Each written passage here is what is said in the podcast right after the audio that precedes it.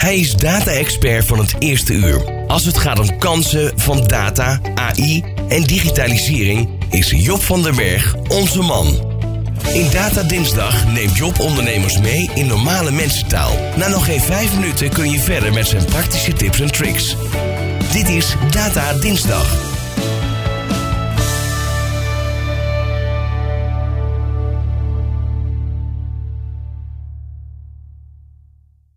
Bedrijven die een dienst of product leveren en direct in contact met hun klanten staan, hebben allemaal eenzelfde uitdaging. En dat is zorgen dat je je klanten behoudt. Of je nou leningen verstrekt, uh, energie levert, telefoonabonnementen aanbiedt of een streamingsdienst bent, je wil graag voorkomen dat de klant opzegt. Jouw klantenbase is het midden om omzet te genereren. Ze zorgt voor een continue inkomstenbron door het betalen van abonnementskosten, rente en andere zogenaamde recurring producten. Het is aan te raden om tijd te investeren in het behouden van klanten, want het aantrekken van nieuwe klanten is vaak veel kostbaarder. Denk aan de kortingen die je moet geven om iemand over de streep te trekken, maar ook sales- en marketingkosten, zogenaamde cost of acquisition. De investering heb je vaak pas na enkele maanden of zelfs jaren terugverdiend. Ook dat is een reden om klanten binnenboord te houden. Uit onderzoek van McKinsey blijkt bijvoorbeeld dat in de telecomsector gemiddeld 20 tot 30 procent van de klanten per jaar opzeggen. In sommige sectoren is dat nog wat hoger. In de financiële sector blijkt onderzoek van PwC ligt het aanzienlijk lager, tussen de 10 en 20 procent. Een Netflix-abonnement kun je eenvoudig en snel opzeggen, een lening uiteraard niet. De vraag is, hoe kun je opzeggingen voorkomen en kunnen data en AI hierin een rol spelen? Jazeker. Een hele krachtige AI-toepassing is churn modeling. En churn betekent niets anders dan opzeggen of weggaan. Via een churn model kun je de kans dat iemand dreigt op te zeggen per klant berekenen. Dat is interessant om te weten, maar nog interessanter is om na te denken welke acties je kunt bedenken om dit te voorkomen. Het is dus eigenlijk een preventiemaatregel. Je wil de opzegging van abonnement op tijd voorkomen. Hoe werkt dat precies met de inzet van AI? Nou, stap 1 is vaak nadenken welke oorzaken er zouden kunnen zijn waarom iemand opzegt. Denk bijvoorbeeld aan de prijs die klanten betalen, of hoe tevreden ze zijn, hoe lang ze klant zijn, maar ook bijvoorbeeld leeftijd of inkomen. Het is belangrijk dat je scherp hebt wat churn, de kans dat klanten opzeggen, beïnvloedt. Vervolgens ga je de data die deze oorzaken meten verzamelen.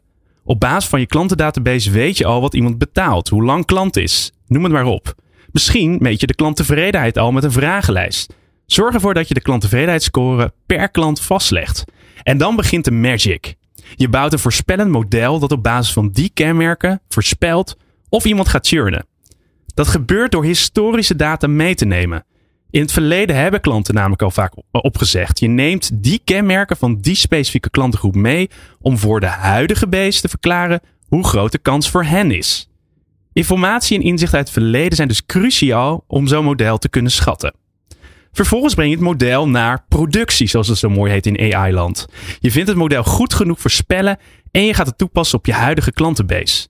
Wie heeft er volgens het model een grote kans om op te zeggen, dus een hoge churn kans? Het model komt met een antwoord op basis van de data die je al hebt gebruikt. En dan? Ja, dan heb je het model. Maar hoe breng je het dan in de praktijk? En zorg je ervoor dat je daarmee voorkomt dat klanten een abonnement of dienst bij je opzeggen. Nou, koppel de lijst met daarin per klant de churnkans met het systeem dat de klantenservice gebruikt. Zodra een klant belt, chat, een e-mail stuurt, ziet de medewerker of deze klant een hoge kans heeft om op te zeggen. Dit is het moment om een korting aan te bieden of om een cadeau te geven als het contract wordt verlengd. Heeft de klant juist een lage churnkans? Ja, doe dan niets. Je kunt juist kosten besparen door juist geen korting te geven. Deze klant blijft waarschijnlijk toch wel. Een vraag die ik vaak krijg is: is het niet beter om juist zelf, dus proactief klanten met een hoge churn kans te benaderen en een korting aan te bieden? Nou, uit onderzoek blijkt dat dit nog wel eens averechts werkt. Er zijn namelijk veel klanten die niet doorhebben dat ze bij jou een abonnement hebben, of niet weten dat deze afloopt. Als je ze belt, worden ze daaraan herinnerd en wordt de churnkans juist veel groter. Nou, ik u toch spreek, ik wil eigenlijk dat abonnement liever opzeggen. Kortom, het verlagen van churn klanten die opzeggen, is een kolfje naar de hand van AI. Je kunt heel goed voorspellen of iemand misschien wil opzeggen.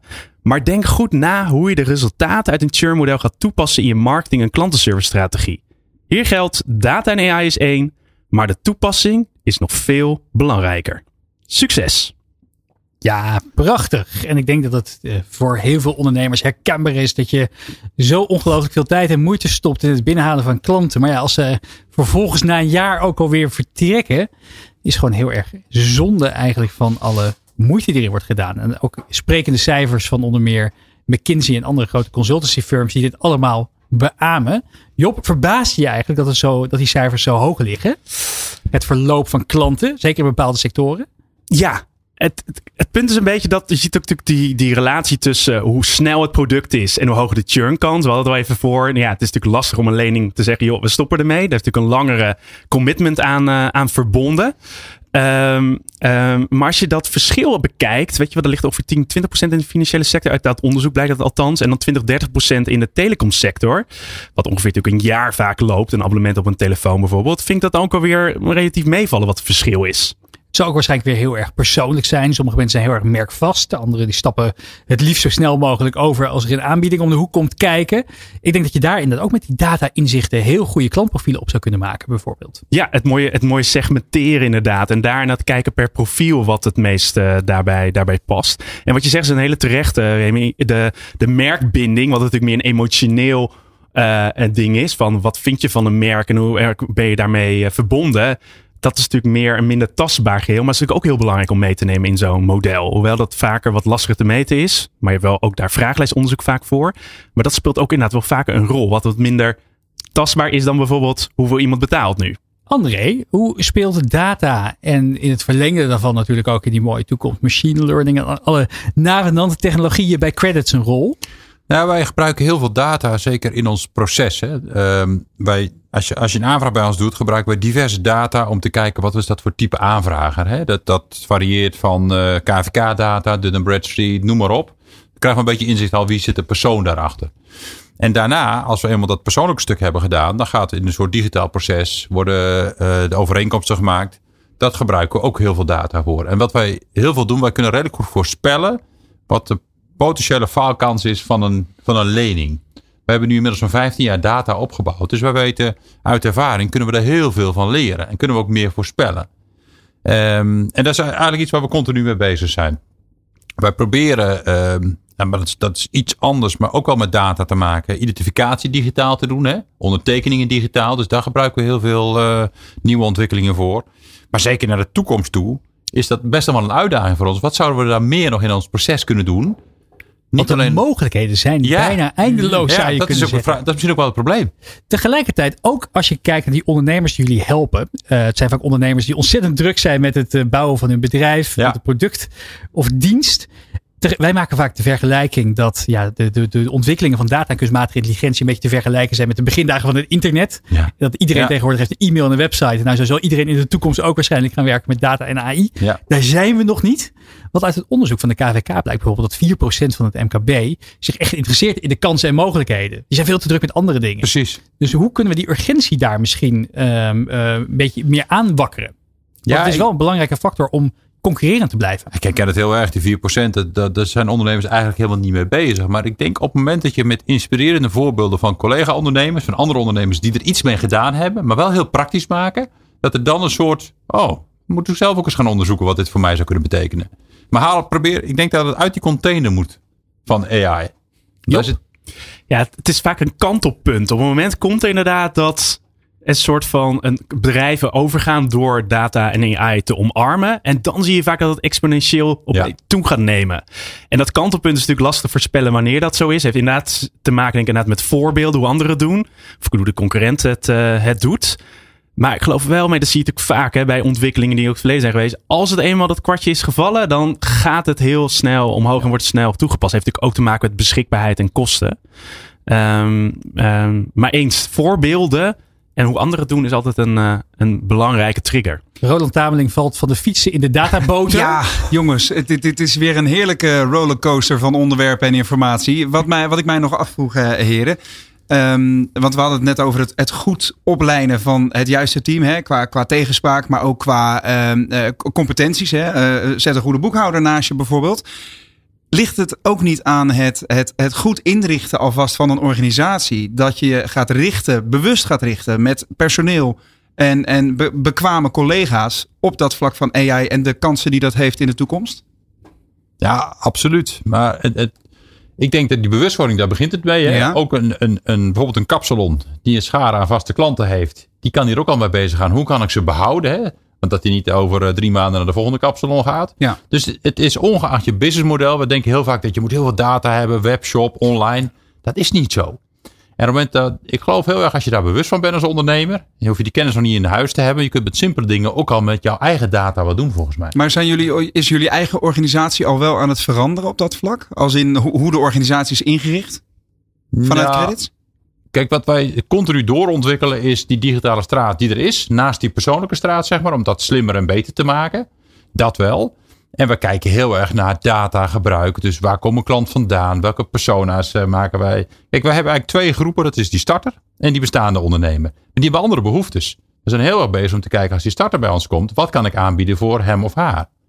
Ik denk dat het tegelijkertijd het heel erg klopt wat André zegt, Job. Dat ondernemers het soms misschien wat te groot maken. De, eh, wat ze moeten doen om met data en AI aan de slag te, te gaan om echt direct resultaten te zien. Er zijn tegelijkertijd eh, honderden, zo niet duizenden software tooltjes op het internet te vinden die je enorm helpen bij bepaalde producten en diensten te automatiseren. Wat eh, heb je misschien een voorbeeld van één zo'n tool waarvan je zegt, nou ja, hier kan je als ondernemer gewoon morgen mee aan de slag en werk je iets efficiënter dan dat je vandaag de dag al doet.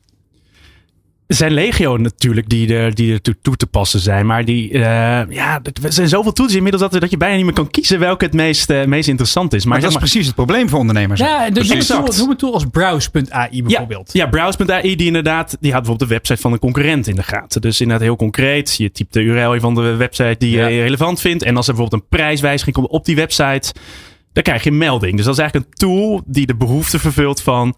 hey, ik ben benieuwd wat er bij de concurrent gebeurt. Kan ik inspelen op, op wat de concurrent aan het, eh, aan het doen is? Ehm, Voor heel veel ondernemers natuurlijk super relevant. Super interessant. Ja. Zeker. Eh, maar inderdaad, terecht wat je zei. Je moet eerst een soort van behoefte hebben van eh, wat er speelt. Je moet eigenlijk met elkaar het gesprek hebben van jongens, dit is onze uitdaging. We hebben het gevoel dat de concurrent ons voorloopt. Of we hebben het gevoel dat die concurrent iets gaat doen. En dat is zeg maar de need waarop je zo'n browse AI dan bijvoorbeeld komt. Of een andere tool die, daar, eh, die daarop lijkt. Maar dan wat je zegt, eh, die, die zijn natuurlijk zo eh, te Dat is een beetje installeren. volgens mij je doel. Hè? Als jij zegt, nogmaals, die kapsalon, je gaat vol op klantbehoud zitten. Dan zou het je niet zoveel uitmaken dat de buurman bij jou de, de, de, de prijs van 3 euro omhoog gooit. Als je alles opzet om je bestaande klant te behouden. En, en, en goed kijkt, waar heeft hij dan behoefte aan? Dan is die prijs vaak niet zo'n groot issue. Nee, nee, precies. Roland, de, data, de laatste datavraag voor jou.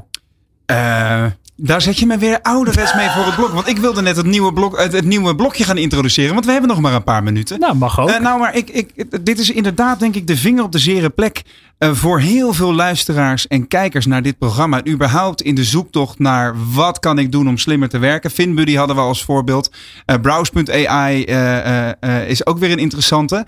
Ehm, Jullie zijn eh, de afgelopen vier dagen zo'n beetje eh, eh, in een soort kluizenaarsbestaan weggedoken om een boek te schrijven. Fascinerend. Wat is nou de belangrijkste tip van die tien geboden die jullie nog even kunnen meegeven als tipje van de sluier? Want dan nodig ik jullie een keer uit om over jullie boek te praten. Vooruit. Dat vinden we ontzettend leuk. We hebben inderdaad afgesloten met die tien, we noemden het al in de, eerder in de uitzending, de tien data- en automatiseringsgeboden. Wat moet je nou echt doen en wat moet je laten als ondernemer? En? Job? Ik weet niet, de letterlijk gebod die moet je, die ga je lezen als je in het boek komt. Maar de strekking is eigenlijk, want het moet natuurlijk wel een beetje een teaser zijn naar, eh, naar de, Ja, boekhandel. Ja, en het boek, eh, het boek te kopen. Ehm, ehm, eh, is eigenlijk alleen vooral het stukje van, eh, beschouw eigenlijk ook data misschien wel als een soort van collega. als, als iemand in je organisatie die je kan helpen om het verschil te maken en het beter te maken. Dus omarm het. En niet alleen maar omarm de data wizards in de, in de organisatie, maar juist iedereen. Was Data Dinsdag met Job van den Berg van Bluefield Agency. Zijn radiocolumn kun je wekelijks ook live beluisteren. Op de dinsdag bij De Ondernemer Live op Nieuw Business Radio. Ben je nieuwsgierig naar ondernemersnieuws, maar dan op zijn Nico's? Luister dan de podcast Ondernemertjes. Met onze huiskolonist Nico Dijkshoorn.